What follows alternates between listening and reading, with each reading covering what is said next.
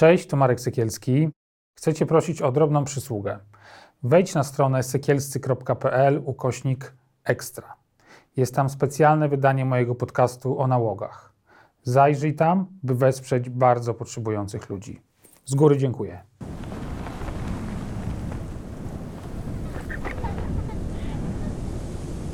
Ten program oglądasz dzięki zbiórce pieniędzy prowadzonej na patronite.pl ukośnik sekielski.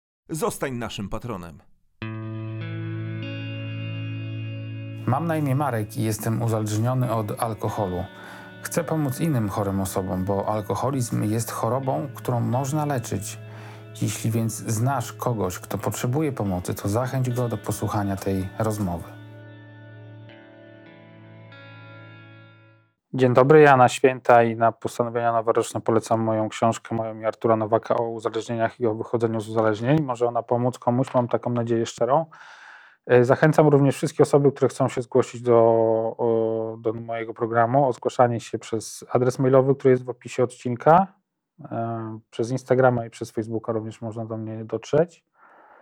E, I chcę również Was prosić o to, żebyście zasubskrybowali nasz kanał, żebyście komentowali nasze filmy, bo to pomaga zwiększać nasze zasięgi i docierać z naszą treścią do coraz większego grona odbiorców.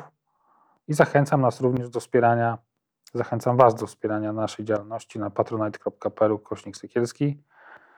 A dzisiaj jest z nami Agnieszka. Dzień dobry. Cześć. Yy, Agnieszko, Ty chciałaś yy, zostać psychiatrą?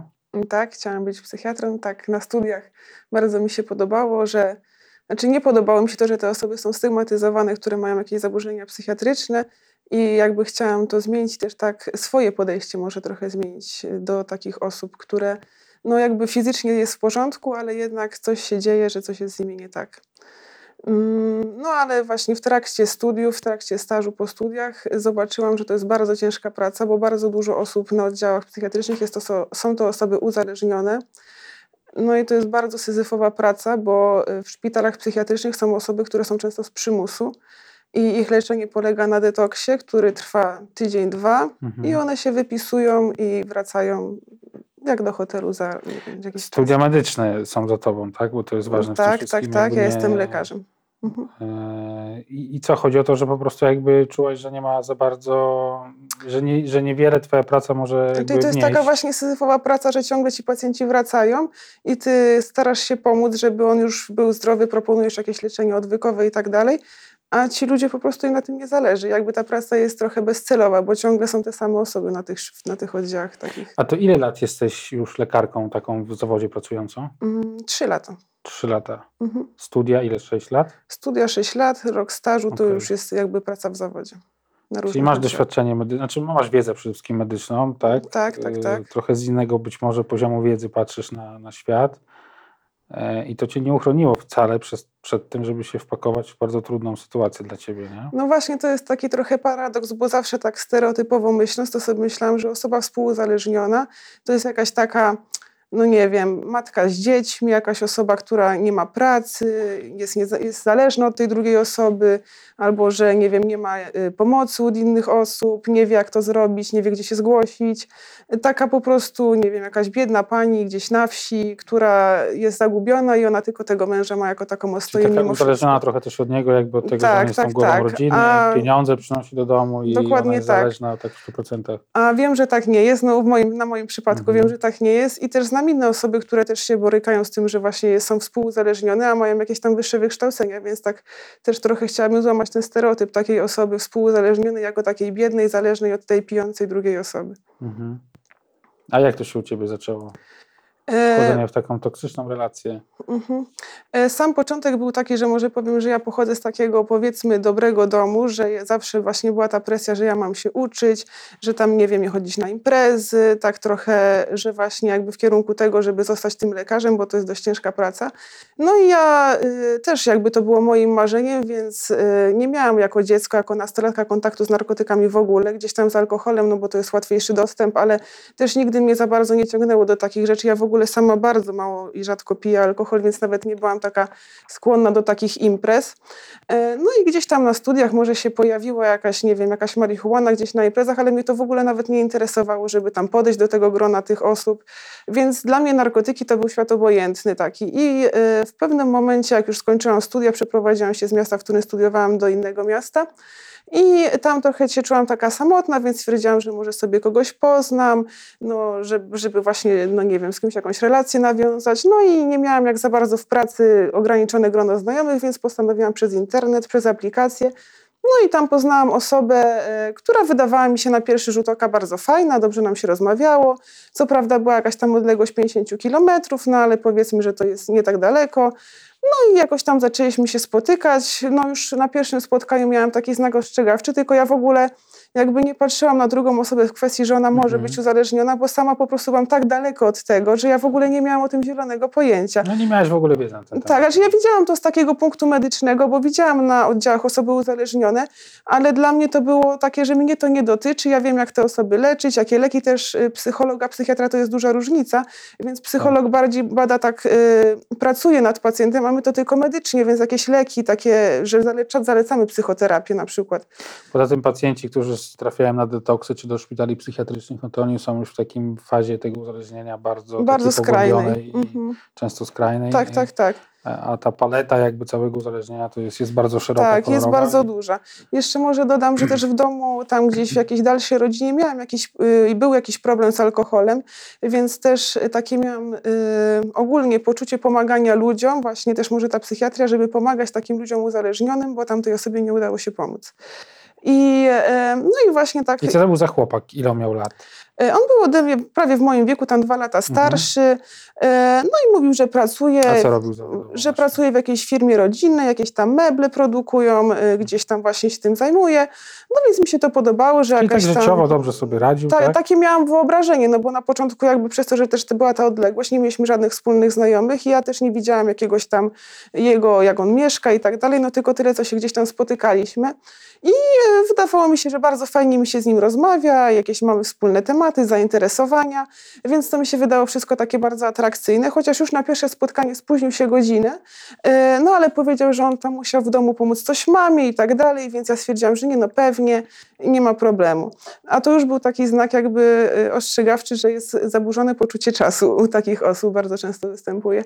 No ale ja jakoś oczywiście odrzucałam w ogóle takie myśli wszystkie. Ale ja rozumiem, że trzeźwy przyszedł na spotkanie. Był, Nie wiem tego do końca, bo potem mi opowiadał, że jak się z kimś umawiał, to zwykle nie był trzeźwy. Więc ja tego nie wiem, bo też właśnie w ogóle nie patrzyłam w takiej kategorii, bo gdybym miała się przyglądać, no to ja wiem, jakie są cechy charakterystyczne dla osoby pod wpływem jakiejś substancji, tylko ja w ogóle nie patrzyłam na to, bo mi w ogóle wypierałam, że takie coś może mnie Mhm. spotkać. Zresztą myślę, że jak jakąś osobę na ulicy spotykamy, no to nie zakładamy od razu, że ona tam jest pod wpływem czegoś, no tylko No po ciężkich dragach takich mocnych to widać czasem. No bar- ja bardzo, tak, widzę, ale to- Ale to trzeba to też też... mam inne doświadczenie może. No. Nie no, już różnych widziałam, ale no wtedy jakoś tak jak na to spotkanie, no, no rozmawiał normalnie. Takie miałam poczucie, że fajnie nam się rozmawia. No i jakoś tak y, zaczęliśmy się powoli gdzieś tam spotykać. On y, tam coraz bardziej właśnie jakby też przywiązywałam się do niego, coraz częstsze te spotkania były, chociaż też ten kontakt nie był taki, że czasem było tak, że on się potrafił trzy dni w ogóle nie odzywać. No i ja się zastanawiałam, czy coś jest nie tak, no co się dzieje, ale właściwie no, jakoś on tam zbywał, że miał dużo pracy, albo że musiał odespać, coś tam. No jakoś tak cały czas tego nie wiązałam i tak sobie myślałam, że no ja mam dyżury całodobowe, a jakoś nie odsypiam trzy dni tego Mhm. później, a on w sumie nie miał takiej ciężkiej pracy. No ale jakoś tak zastanowiło mnie to, ale jeszcze nie na tyle. Byłam, jestem też osobą taką dość łatwowierną i taką, że z dużą empatią do drugiej osoby podchodzę, więc ja po prostu cały czas go wybielałam, że nie, na pewno wszystko jest w porządku.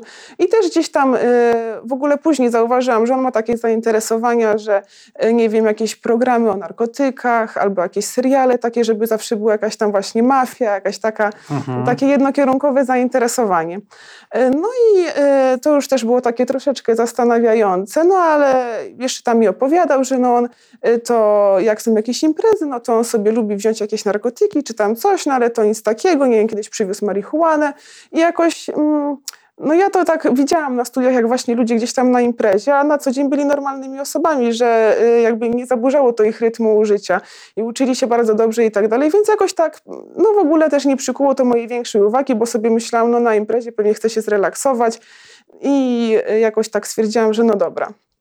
Ale y, później to jakoś tak się wszystko nasilało, te właśnie, że on tu się umawiał, przyjeżdżał w ogóle na przykład o północy, umawiał się, że będzie o 16, albo w ogóle nie przyjeżdżał, nie odbierał tych telefonów. Coraz częściej to się zdarzało, bo ta relacja była coraz bardziej taka bliska, więc mnie to zaczęło troszeczkę denerwować i... Y, no i e, tak troszeczkę już właśnie coś mi nie grało, ale nie wiedziałam za bardzo o co chodzi, ale on też mnie coraz bardziej od siebie uzależniał, że e, cały czas nie wiem, jakieś takie, no ja nawet nie wiem jakie to są chwyty, bo nie wiem czy to robią osoby uzależnione świadomie czy nie, ale że na przykład mówił, że no my to razem to tak fajnie sobie spędzamy czas, a często było tak, że on do mnie przyjeżdżał i po prostu spał przez, nie wiem, całą dobę, dlatego że jakby nie chciał do mnie, bał się do mnie przyjechać naćpany, bo myślał, że ja to bardzo zauważę przez to, że jestem lekarzem. Więc żeby to ukryć, to przyjeżdżał mhm. jakby już, y, jakby na zjeżdżały tak, na, mhm. na zjeździe i wtedy on po prostu nie był w stanie nic robić i spał. Była potem taka sytuacja, że powiedział, że wiesz, no zanim byłem, jestem z tobą, to, że były wakacje, no i tak no y, poleciałem i muszę, pożyczy, muszę od ciebie pożyczyć pieniądze, bo tam jestem winny koledze jakąś tam kwotę. No i to też już dla mnie było takie troszkę dziwne, no, że jakby ode mnie pożycza pieniądze, jesteśmy, znamy się dość krótko, no ale jakby właśnie byłam taka już wpatrzona w niego i w takiego, to uzale- jakby, że on mnie tak od siebie, że on mnie tak bardzo kocha i że jest takim mną zafascynowany, że on mówi, no pewnie pożyczę ci te pieniądze. E... Czy on robi z sobą coś takiego, co y, to jest taki chyba mechanizm, który y, takie osoby czasem w uzależnieniu wykonują mhm. do tych bliskich, że właśnie od takiej intensywnej miłości, takiego tak, tak, tak. wylewania tak. tych uczuć po prostu jak wiem, jakby wiadrem cię po prostu mhm. chlupał nimi w twarz, do takiego właśnie odcięcia, wyobcowania, w ogóle nie odzywania się. Tak, tak, tak. Takie, taka sinusoida tak. i to straszne, naprawdę straszne, że właśnie jak było super, byliśmy razem, to 24 po prostu na 7 on cały czas, że ja nie mogę nic sama, że idziemy razem do sklepu, wszystko razem, a potem nagle na trzy dni znika i tak nie jest w stanie mi do końca powiedzieć, co się z nim działo. Mhm. E, no i później też zaczęłam e, jeździć do niego do domu, e, tam już jakby ta relacja się rozwijała. No i tak zauważyłam, że coś jest nie tak, no bo ma ponad 30 lat, a mieszka jakby z rodzicami. No i to już tak troszeczkę sobie pomyślałam, że że ja na przykład już na studiach od razu myślałam, że nie chcę mieszkać z rodzicami i tak trochę mi to nie podpasowało, ale on mówił, że nie, bo on tu pracuje z rodzicami i tak dalej. Potem zobaczyłam, że on wcale nie pracuje tak, jak mi wcześniej mówił, że on jest taki zmęczony po tej pracy, że musi spać, tylko że ta jego praca to jest powiedzmy trzy godziny dziennie i, yy, no i potem to on sobie gdzieś tam właśnie znikał. Też często było tak, że jak jechałam do niego do domu, to y, zostawiał mnie gdzieś tam samą i na przykład nie było go trzy godziny. I y, potem jak mówił, to mówił, że nie, bo ja musiałem to załatwić, coś tam zrobić. Jakieś takie były dziwne sytuacje, ale ja już mówię, że byłam taka trochę zaślepiona tym wszystkim i y, taka w niego wpatrzona, że w ogóle cały czas on taką tworzył też wizję, że my razem wybudujemy dom, że będziemy mieć super rodzinę, no, że będzie tak wspaniale i że co to nie będzie. Pokazywał mi na przykład, że on ma tutaj działkę jakąś tam y, pod ten dom. Takie tworzył wizje, takie w ogóle takie odrealnione, bo on w ogóle potem się okazał, nie miał żadnych pieniędzy i jakby utrzymywali go rodzice z tej niby pracy, którą on tam robił, ale on cały czas stworzył takie wizje, że ja jakby już byłam tym taka zachwycona, że mówię, no, no znalazłam idealną osobę. No ale w pewnym momencie właśnie coraz częściej, jak gdzieś ten temat tych narkotyków się pojawiał, że on tak właśnie ciągle coś napomykał o tym, że tu na imprezie, tu coś tam, tu przywoził tą marihuanę i ja tak jakoś się zapytałam go kiedyś, no nie boisz się, że ty będziesz uzależniony, jak tak y, często to robisz? A on mi powiedział, że wiesz, ja już chyba jestem uzależniony. Ale to już było jakby na takim etapie, że ja już byłam taka zaangażowana w tę relację, że sobie pomyślałam, nie no, ja nie mogę go zostawić. Ile, ile to już byliście razem wtedy? No, myślę, że jakieś 6 miesięcy. Tak po pół roku gdzieś to, to mi powiedział, może troszkę później. I ja po prostu sobie pomyślałam, że ja jestem lekarzem i ja muszę stanąć na wysokości zadania. Będziesz go ratować. Ja go wyleczę, ja będę tą jedyną osobą, która po prostu poświęci swoje życie i, i, i po prostu on będzie zdrowym człowiekiem, zmieni się o 180 stopni. I jakby, że ja nie mogę tak go zostawić, bo to po prostu jest taka stygmatyzacja i takie standardowe zachowania, że ja zrobię coś wyjątkowego. Takie miałam podejście. Oczywiście bardzo naiwne. No ale stwierdziłam, że też nie będę tak robić, że nie będę się zachowywać, że tam będę go głaskać po główce, jak będzie, nie wiem, miał zjazd, to że on sobie niech sobie śpi. Tylko po prostu stwierdziłam, że pójdę do psychologa. Też wiedziałam, jakie są w mojej okolicy ośrodki leczenia uzależnień, więc sobie tam poszłam, znalazłam sobie psychologa. No i najpierw poszłam sama, no bo nie wiedziałam jakby, jak ugryźć ten temat. Też jak coś napąknęłam, to oczywiście cały czas ten chłopak uważał, że nie, on nie potrzebuje, on nie jest na takim etapie. E, tam, nie wiem, jakieś mu filmy w internecie pokazywałam, e, jakieś takie z stare, to on w ogóle mówił, że zobacz, jak ci ludzie wyglądają, przecież ja to jestem normalną osobą, no bo faktycznie no z zewnątrz to ciężko było poznać, że on ma jakiś problem, po czym się okazało, że on jest uzależniony od 10 lat, więc troszeczkę tego życia spędził w uzależnieniu. I e, poszłam do tej psycholog i ja w ogóle na pierwszym spotkaniu ja sama kłamałam tą psycholog, żeby go wybielić, bo to w ogóle było bardzo częste, że na przykład on się ze mną umawiał, nie przyjeżdżał, a mieliśmy się spotkać ze znajomymi, e, to ja mówiłam, że wiesz, no on nie mógł, bo coś tam się stało i chociaż taka nie była prawda, ja nie wiedziałam, dlaczego on przyjechał, ale ja go wszędzie przy wszystkich wybielałam, że nie, bo on jest taki fajny, bo, bo coś tam się stało. Kwintesencja współuzależnienia. Nie? Tak, tak, tak, straszna, naprawdę. Więc ja poszłam do tej psychologii, też go tam wybielałam i cały czas mówiłam, że nie, no on to tylko, y, on ma z tym problem, ale on, on sam sobie chce z tym poradzić i że on to w ogóle jest taki super i że jak ona się zapytała, ile jesteśmy razem, to ja specjalnie powiedziałam jakąś długo większą liczbę, żeby po prostu, żeby nie było tak, że ona powiedziała, jesteś z nim krótko, to się rozstań. I ja specjalnie mówię, nie, nie mogę tak powiedzieć, bo ona mi tak powie. Więc ja już sama tworzyłam, sama w ogóle siebie mhm. jakby w tym pogłębiałam. I y, więc pamiętam, że też właśnie okłamywałam na początku tą psycholog, E, no ale stwierdziłam, że będę tam chodzić, e, bo mi się spodobało w ogóle tak jakby to podejście i też sama ta właśnie rozmowa z tym psychologiem stwierdziłam, że mi bardzo dużo pomaga, bo ja już byłam też trochę na takim skraju wyczerpania, bo była taka duża ta sinusoida cały czas, że albo było super, a często było tak, że na przykład, nie wiem, jakaś ważna impreza, święta, sylwester, no to na przykład nagle się nie odzywał, znikał, e, psuł mi wszystkie takie ważne okoliczności, gdzie ja po prostu byłam, ja jestem osobą taką odpowiedzialną, że chcę zawsze dobrze wypaść, a tu nagle musiałam świecić oczami, że dlaczego jesteś sama. I y, no straszne to było. Więc y, ta psycholog mnie cały czas próbowała, tylko ona też widziała chyba, w jakim ja jestem etapie tego współuzależnienia, że ja po prostu rękami i nogami, że on to jest taki wspaniały i że on to po prostu tylko czasem mało i w ogóle. Mhm. E, więc ona to widziała, no i cierpliwie mnie słuchała i jakoś tam próbowała. W końcu udało mi się nawet namówić właśnie tego chłopaka, żeby ze mną poszedł.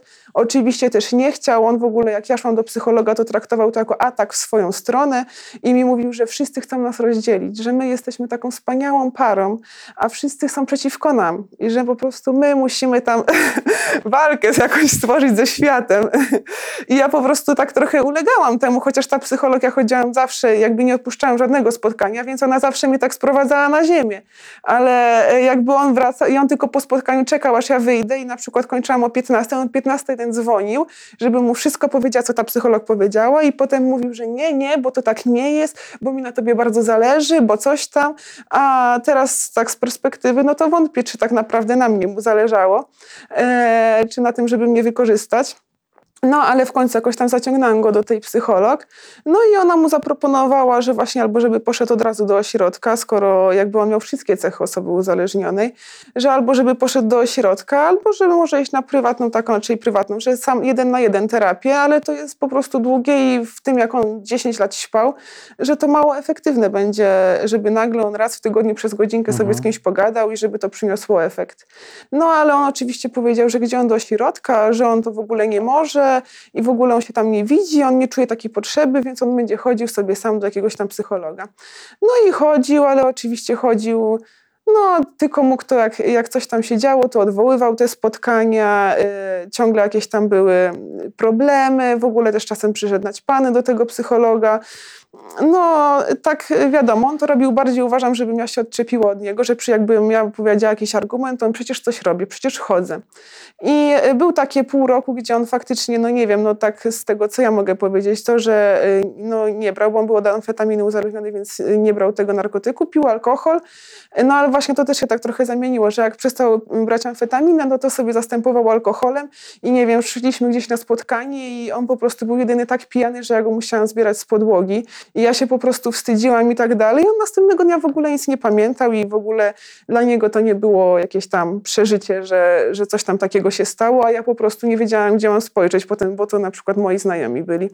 No bo różnica między tym, czy on ćpa, czy pije jest żadna. Żadna, no tak, tak naprawdę, ale on uważał, że na przykład, najpierw mi mówił w pierwszej fazie, że on uważa, że jednak ta ćpanie jest lepsze od alkoholu, bo Aha. się po prostu jest pobudzony i ma fajny czas, a jak pije alkohol, to że on potem nie ma świadomości tego, co robi. No ale potem, potem jak przestał brać amfetaminę, no to sobie zastępował alkoholem, więc, y, więc y, takie miał po prostu, że no, żeby cokolwiek było, żeby w tej głowie zaszumiało. No. I, y, no ale pół roku było takie, że faktycznie tak zwany miesiąc miodowy, że on faktycznie cieszył się z tego, że jakaś tam jest zmiana i on też się trochę bardziej wtedy starał. Jakby, że cały czas mi mówił, że on jest taki wdzięczny, że po prostu jakby właśnie ja zmieniam jego życie. Jeszcze tak bardziej jakby mnie E, w tym utwierdzał, że to jest dobra decyzja. No ale oczywiście minęło pół roku e, i wrócił e, do ćpania, gdzieś tam, jak mi to powiedział, no po prostu poszedł do kolegi i miał posypany, no to jak mógł z tego nie skorzystać? Że no jakby taka najzwyklejsza sytuacja, przecież to się mhm. może zdarzyć. W ogóle też on mnie bardzo izolował od swoich znajomych, jak potem się okazało, on nie miał innych znajomych poza znajomymi, którzy są od czegoś uzależnieni i chyba nie do końca chciał mnie właśnie też w tym środowisku przedstawiać, bo bym szybko się zorientowała, jakie to są osoby, więc ja praktycznie właśnie jego znajomych to znałam dwie, trzy i w ogóle on nigdy, okazało się, że on nigdy nie imprezuje, gdzie mi mówił, że on na przykład tylko na imprezach. A on, mieszkaliście w ogóle razem, czy tak gdzieś na odległość? Nie, nie, na odległość. Właśnie to też mi się wydaje było tak, że on specjalnie sobie kogoś szukał na odległość, bo bardzo łatwo było mu to kamuflować, no bo jak miał e, zjazd i spał przez trzy dni, a mi powiedział, że on był tak ciężko pracował i że on po prostu chce sobie teraz odespać i że dlaczego ja mam jakiś problem z tym. Więc e, no jakby dla niego to było bardzo na rękę, że ja też ja na przykład bardzo uciekałam w pracę, bo ja się dużo lepiej czułam pracując i że miałam na tej pracy, mam nad czymś kontrolę, to ja już wolałam iść do pracy i pracować, bo w domu mnie wszystko tak przygnębiało. Ja zaczęłam mieć objawy, poza tym, że bardzo się tym wszystkim stresowałam, ciągle prawie płakałam po prostu, bo taką miałam bezsilność nad tym jego mhm. uzależnieniem, a chciałam jakby, ja chciałam wszystko za niego zrobić i on nie miał tej chęci według mnie takiej dużej, y, żeby się zmienić, tylko ja miałam tą chęć i ja po prostu mam taka cały czas zirytowana tym, cały czas chodziłam poddenerwowana, potem zaczęłam mieć jakieś problemy zdrowotne, bóle brzucha, omdlenia i wszystko jakby ten stres miałam tak wysoko skumulowany, że cały czas ta psycholog mi mówiła, że po co ty z nim jesteś, że zobacz, ona mi to namacalnie pokazywała, ile jest tych cech takich złych, że dobrych nie ma żadnych, bo nie wiem, on wykorzystywał moje, właśnie brał ode mnie pieniądze, no bo oczywiście nie miał żadnych, e, jak chciał, to spędzał ze mną czas, jak nie chciał, no to sobie gdzieś tam szedł ćpać, a ja się tym wszystkim tak przejmowałam, bo brałam to na poważnie i ona mówi, po co ty z nim jesteś? Jesteś, a ja nie umiałam po prostu jakby się z nim rozstać. Nie wiem, to było tak trudne, bo byłam tak właśnie współuzależniona. Ja w ogóle go naprawdę przed wszystkimi kryłam, przed jego własnymi rodzicami. Jak on tam gdzieś właśnie no, y, miał zwały i spał, to ja wszystkim mówiłam, że nie, nie, on jest taki zmęczony, bo on tyle pracuje, to mhm. on tam musi. No straszne to było naprawdę. No ale w końcu właśnie po tym pół roku miesiącu miodowego on wrócił do tego ćpania też, y, powiedział mi, że mało i tylko trochę, y, co oczywiście było kłamstwem. Y, no ale ja mu wtedy powiedziałam, już byłam trochę tak inaczej nastawiona, bo to było już po roku mojej terapii u psycholog. Więc ja mu powiedziałam, że możemy się tylko rozstać. Albo idziesz do ośrodka terapii uzależnień, albo się rozstajemy, bo wiedziałam, już ona mi cały czas mówiła, że tylko strata taka prawdziwa y, jest czasem takim bodźcem do zmiany dla osoby mhm. uzależnionej. No więc ona mówi, że albo się, y, ja powiedziałam mu tak, że albo się rozstajemy, albo idziesz do ośrodka. No i on oczywiście y, no nie, nie możemy się rozstać, no to on może pójdzie do tego ośrodka. No to chyba trwało miesiąc, że od tego jakby tej decyzji do tego momentu, kiedy, kiedy on poszedł, to trwało gdzieś około y, miesiąca i on co, co ciągle przekładał, że nie, no bo to on jeszcze musi coś tam zrobić, no bo tu jeszcze musi być skierowanie od lekarza, no to, no to on jeszcze poczeka na coś tam. No ale w końcu y, poszedł do tego ośrodka i y, ja już w ogóle miałam takie poczucie, że jak on tam pójdzie, to że ja sobie wreszcie odpocznę, że ja będę miała taki taki luz, że jakby on jest zaopiekowany, że wiem, że nie ćpa, no bo tam ośrodek zamknięty, on bez telefonu. I jakby pomyślałam sobie, że będzie to dla mnie super czas. A to był czas straszny, bo wtedy my się też nie mogliśmy kontaktować, bo y, jakby to był ośrodek właśnie całkowicie zamknięty mhm. i tam w pierwszym etapie w ogóle nie można się kontaktować ze sobą. E, no i ja to przeżywałam bardzo i e, on mógł mi pisać listy, więc on już tam chyba pierwszego czy drugiego dnia napisał mi list, jak tam jest strasznie, że tam są osoby na przymusowym leczeniu zakładów karnych, gdzie chyba jedna osoba na 20 taka była, e, że w ogóle co oni tam od niego wymagają, że on musi tyle rzeczy robić, no, że w ogóle tam jest traktowany, nie wiem, no, że same złe rzeczy tam się dzieją, jak gorzej jak w więzieniu. Klasyk, ktoś, kto się nie chce leczyć, zawsze wymyśla takie historie, Tak, dokładnie tak. I... E, a ja też trochę wiedziałam, jak to wygląda, no bo właśnie ta moja psycholog jakby tam pracuje i też mi trochę opowiadała. Czasem mogłam jakąś, ja byłam osobą taką, którą można było informować, więc jak czasem zadzwoniłam, to jakieś dotrzymałam informacje. No i jakoś tam nikt nie, nie mówił, że tam się takie straszne rzeczy dzieją. E, potem po miesiącu chyba była możliwość spotkania i na tym spotkaniu y, też oczywiście straszne były manipulacje. Właśnie jak on tu ma ciężko, jak on za mną tęskni. Zaczął opowiadać, że no jak my mamy być w związku, jak my nie możemy się kontaktować. I że no cały czas w ogóle tak, ja po tym spotkaniu wyszłam tak zdołowana, jakbym ja go najbardziej na świecie skrzywdziła, bo go jakby, jakbym ja go tam zamknęła. No on tam poszedł niby dobrowolnie, ale to chyba też było takie, żebym ja się odczepiła, że on stamtąd, on w ogóle ta terapia powinna trwać rok. On powiedział, że on tam może być maksymalnie maksymalnie pół roku i więcej nie. I albo to akceptuje, albo tego nie akceptuje. No ja mówiłam, no dobra, zobaczymy, co tam będzie. Ale po tym pierwszym spotkaniu widziałam, że on w ogóle żadnego jakby progresu nie ma, że po prostu jest jakby jeszcze gorzej, że on jest jeszcze bardziej mnie manipuluje, jeszcze bardziej mówi, że widzisz, ja cię tak kocham, a nie możemy razem być, nie możemy razem spędzać czasu. Ty sobie gdzieś pojedziesz, a może kogoś poznasz, no i co z nami będzie? I cały czas takie jakby y, przeciąganie na siebie tego mhm. wszystkiego.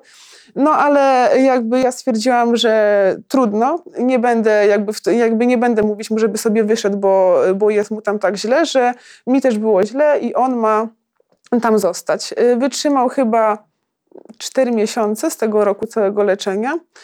Yy, no i mówię, za każdym razem, czy, ja dzwoń, czy dzwonił do mnie, czy mi pisał jakieś listy, czy jakieś tam były spotkania, za każdym razem to była straszna manipulacja z jego strony, za każdym razem to on był skrzywdzony, za każdym razem to tam jakaś w ogóle jest niesprawiedliwość wobec niego, że on to nie powinien tu być, że on to by sobie świetnie poradził na zewnątrz, że on to w ogóle nie potrzebuje.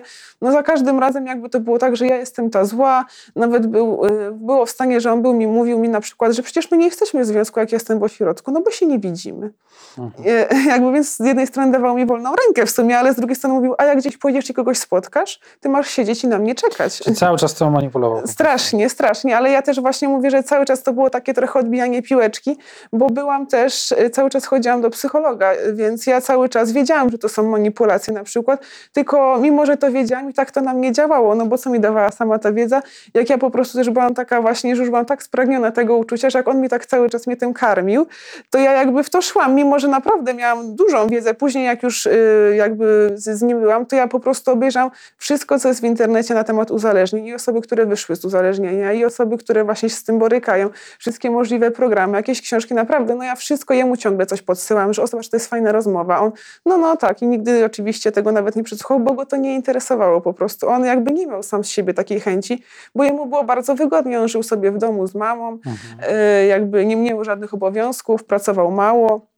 No ale w końcu wyszedł z tego ośrodka i y, to oznaczało, że nie będziemy razem. Y, no po jakimś czasie tam właśnie y, gdzieś tam się spotkaliśmy, na chwilę wróciliśmy do siebie, ale no cały czas, mimo tego, że nie wiem, czy teraz te narkotyki bierze, czy nie, to cały czas te po prostu, on ma bardzo dużą tendencję do manipulacji, nieprzepracowane po prostu rzeczy. I e, no, nie, nie byłam w stanie z nim być. Zresztą przy rozstaniu my się rozstawaliśmy kilka razy, zawsze z mojej inicjatywy. I e, wtedy są jakieś, właśnie dla mnie to nawet było problem się z nim rozstać, bo wiedziałam, że on będzie cały czas mówił, nie, nie róbmy tego, że my musimy być razem, że my przeciwko całemu światu, że my, my zmienimy po mhm. prostu ludzkość. I e, nawet doszło do tego, że ja właśnie przedłużałam czasem ten moment, żeby mu powiedzieć, że nie możemy być razem. Dlatego, że po prostu wiedziałam, że to będzie mnie tyle kosztowało, że on z jego strony będzie takie przeciąganie liny, że a on zrobi to, on się tak zmieni, on to będzie nad sobą pracował, żebym ja mu tylko powiedziała, co to on to wszystko zrobi, że ja po prostu przeciągałam cały czas ten mo moment rozstania, bo tak mnie jakby przerażała ta wizja tego, że on potem będzie do mnie dzwonił, jak się rozstaliśmy, to nie wiem, dzwonił z czterech różnych numerów obcych, e, mówił mi, że on do mnie zaraz przyjedzie, do moich rodziców, no jakieś takie w ogóle e, strasznie dziwne sytuacje. Jak ja to wszystko odrzucałam, to na przykład napisał mi, że e, idzie się rzucić pod tory i wyłączył telefon, Mhm. e, więc po prostu ja się czułam strasznie i taka w ogóle duże poczucie winy, że właśnie, że on się tak starał. Przecież, że on był w tym ośrodku, że on tyle rzeczy robił dla mnie, a ja go zostawiałam, że jak to w ogóle, jak ja mogłam to zrobić, no ale już jakby właśnie też to, jak on był w ośrodku, a ja sama chodziłam do psychologa, to też mi dużo dało to odcięcie, że nie mieliśmy tego kontaktu, więc wtedy dla psychologa była dużo łatwiejsza praca, żeby, żeby mi pokazać, jak to Czyli wszystko... zastrzegła taka tak, i żebym prawda. jakby też nie była manipulowana od strony tego po prostu Mhm. chłopaka, bo ja cały czas jakby tak to on cały czas na swoją stronę mnie przekabacał, a tutaj nie było takiej możliwości, no bo on był zamknięty, nie miał telefonu, nie miał ze mną kontaktu, więc tylko ta psycholog mogła ze mną pracować i bardzo dużo mi to dało, no i teraz już mam tą świadomość, że po prostu jeśli ta osoba sama sobie nie chce pomóc, to my chociażbyśmy na rzęsach stawali, to i tak tej osobie nie pomożemy i ona sama może nas poprosić o pomoc, że chciałbym się leczyć, ale Mhm. pomóż mi, a tutaj nie było tego, tylko ja cały czas mówiłam, że słuchaj, ty się musisz leczyć, no bo to jest choroba jak każda inna. A, No, nie chciał. Ale on nie chciał, to właśnie to o to chodzi, że jak, nie wiem, pacjent jest chory, bo ja mam taką wizję, że jak pacjent jest chory, to my go leczymy, tylko, że nie wiem, jak ma jakiegoś guza, to go wycinamy i jakby to jest trochę łatwiejsze niż No tutaj... i możesz przepisać recepty, powiedzieć No no właśnie, że można ma brać jakieś- to lekarstwo, jak nie będzie chciał go brać, no to jest jego odpowiedzialność. No więc właśnie, że można tutaj jakieś, jakieś takie, a tutaj jakby nie ma tak, że my mu konkretnie mówimy, co ma robić i on to robi, bo to jest bardzo, no, bardzo ciężka praca i ja teraz wiem, że naprawdę najlepszym, co można zrobić, to jest po prostu rozstać się z taką osobą i walczyć o samą siebie, bo ja... Jest to paradoksalnie bardzo trudne, bo mimo tego, że tak naprawdę byliście sobą krótko w sumie, nie? To, to już tak potrafi, jakby tak się z nim zespoliłaś i, tak. i weszłaś w tą relację taką toksyczną, że No w sumie to Ile miesięcy dwa, lat, y, dwa lata gdzieś tak się w sumie y, jakby byliśmy razem, no a ten rok to był taki, że właśnie... rok rozstań. Tak, takich No. właśnie powrotów i rozstań, a to całe to było naprawdę straszna sinusoida i po prostu życie w takiej, że ja, y, no nie wiem, nie wychodziłam się spotykać ze znajomymi, no bo ciągle nie wiedziałam, jaka będzie sytuacja, czy on do mnie przyjedzie, czy on nie przyjedzie, o której przyjedzie,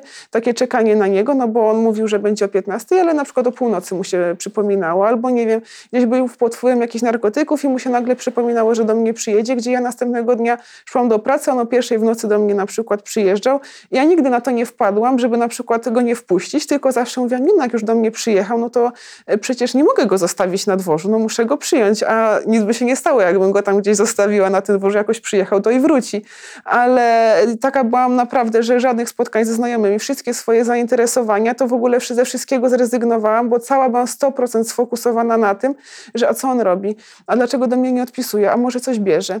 No a jak, jak nie bierze, no to dlaczego się nie odzywa? Może gdzieś jest w jakimś towarzystwie, może kogoś spotkał i cały czas tylko skupianie się na tym, co on robi w danej chwili, a on oczywiście to też wykorzystywał, że nie wiem, obrażał się szybko o coś, no to przestawał się odzywać. I ja wtedy, co on tam robi po prostu? On nie odbiera ode mnie telefonów, a on to po prostu wykorzystywał na swoją szalę wszystko. Więc ciężka była ta przeprawa. E, a powiedz mi, jaka taka największa strata z tego dla ciebie jest? Jakby jakiś koszt tej relacji krótkiej, ale bardzo takiej... Znaczy ja staram się wyciągać optymizmy jakby z tego takie, że na przykład dało mi to to, że sama pewnie z siebie bym w życiu nie poszła do psychologa, a dużo mi to też dało, bo Mhm. praca oprócz nad tym współuzależnieniem, no to też z czegoś to wynikało, A współuzależnienie. ile, nie jest, ile jesteście, ile już jesteś bez niego? Yy, trzy miesiące? Jakoś tak. Trzy miesiące. Mhm. No tylko mówię, że to było takie, te końce to już było takie Okej. schodzenie się i rozstawanie, więc on był też w tym ośrodku, no więc to jest takie, że nie byliśmy jakby tak, nigdy razem nie Czujesz się mieszkaliśmy. silna, żeby, żeby, żeby nie wejść za chwilę znowu w tą w E, tak, to no, teraz już tak. Teraz już tak, tylko właśnie mówię, no dużo mi dał ten właśnie, to, że mogłam chodzić do tego psychologa i sama z siebie pewnie w życiu bym nie poszła, no bo bym sobie myślała, że przecież ja nie mam żadnych problemów jako takich, no że nie wiem, y, mam pracę, jakoś tam jestem niezależna i tak dalej, no to w ogóle nie, nie postrzegam się jako osoby, żeby mogła potrzebować psychologa, a tutaj ten psycholog jakby też właśnie inne podłoża, skąd się wzięło to współuzależnienie, że przecież niektórzy nigdy nie będą osobami współuzależnionymi, że trzeba mieć jakieś cechy w sobie, a skąd u mnie te cechy? I mi to bardzo dużo dało, więc ja staram A się... skąd? Skąd się bierze to, że osoba jest współ... Skąd u ciebie się wzięło? u mnie? Czy doszłaś do tego? E, tak, no po pierwsze, że ja mam bardzo dużo, duże takie poczucie e, opiekowania się innymi ludźmi, empatii. Ja też wszystkich postrzegam swoją miarą, że ludzie są bardzo dobrzy. Ja w ogóle nie zakładam, że ktoś może chcieć mnie wykorzystać, bo ja nie chcę nikogo wykorzystać. I mam też takie e, bardzo duże poczucie, żeby być w związku, być z kimś.